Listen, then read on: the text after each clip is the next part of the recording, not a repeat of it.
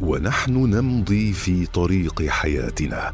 نمر على نقاط مهمة قد نغفل عن أهميتها أو تكون خارج نطاق رؤيتنا. نقط عمياء مع إبراهيم العجمي. أهلا بكم مستمعينا الأعزاء في حلقة جديدة من حلقات برنامج نقط عمياء والذي نتطرق في كل حلقة من حلقاته إلى أمر مهم قد نغفل عنه في مفاصل حياتنا.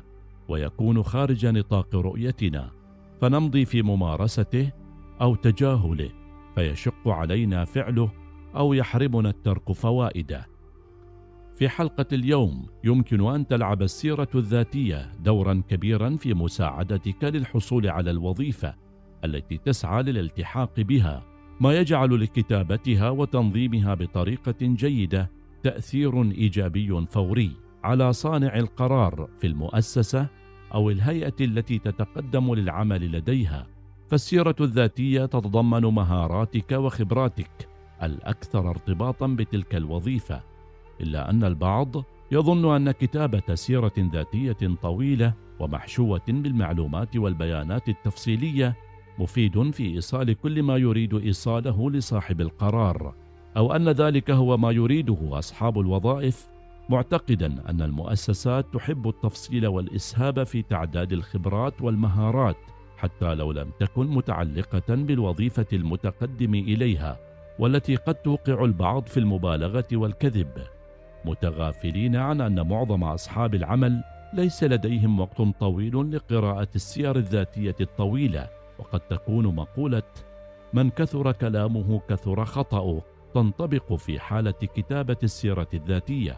فكلما كثرت المعلومات والبيانات فيها سهل الوقوع في الأخطاء من حيث الإملاء وصياغة الجمل خاصة مع أولئك الذين لا يحسنون الكتابة والتنسيق ما يؤثر سلبا على سيرتهم الذاتية فيأتي بنتائج غير مرغوبة وعكسية قد تؤدي في الختام إلى رفضهم وعدم قبولهم في الوظيفة لأن هذا السلوك يكون لدى أصحاب المقابلات صورة عن المتقدم للوظيفة وعن إمكانياته المتعلقة بالكتابة والتنسيق ما يثير لديهم تساؤلات واحتمالات بأن هذه الطريقة في كتابة السيرة وتنسيقها قد تنسحب على أمور أخرى قد تؤثر سلبا على العمل. كي تتجنب الإسهاب في كتابة السير الذاتية على سيرتك الذاتية أن تكون في أغلب الأحوال مكونة من صفحة واحدة للمبتدئ وصفحتين أو ثلاث على الأكثر لصاحب الخبرة الطويلة.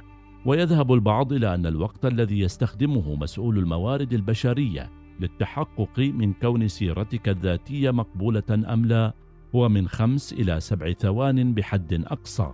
وأن تكون السيرة الذاتية شاملة لكل المعلومات والمهارات الأساسية المتعلقة بالوظيفة التي تتقدم إليها. وأن تتجنب إبراز المهارات بتسلسل زمني معين ما يجعلها أكثر طولا. ولا تنسى أن المضمون هو الأهم. فلذلك لا تذكر تفاصيل غير مهمة. ولا تكتب في سيرتك الذاتية معلومات شخصية عنك. وتذكر أن المهم أن تمثلك السيرة الذاتية بشكل صحيح وجيد بحيث لا يصاب من يقابلك فيما بعد بخيبة أمل. كما عليك ألا تكذب عند كتابة سيرتك الذاتية وألا تبالغ في ذكر خبراتك أو وصف مهاراتك.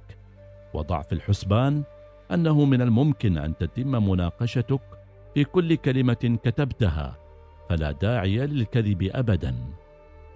في هذه الحلقة مستمعينا الأعزاء وجهنا الضوء على نقطة من النقاط التي يغفل عنها البعض أو لا يديرون بالا تجاهها وتكون بعيدا عن مجال رؤيتهم وهي الإسهاب في كتابة السيرة الذاتية اعتقادا أن ذلك هو ما يريده أصحاب العمل على أمل أن نلتقي مع نقطة أخرى من نقط عمياء.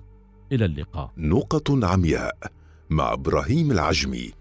يوميا في الأوقات التالية السابعة وخمسة عشرة دقيقة الثانية عشرة وخمسين دقيقة الثامنة وعشرين دقيقة.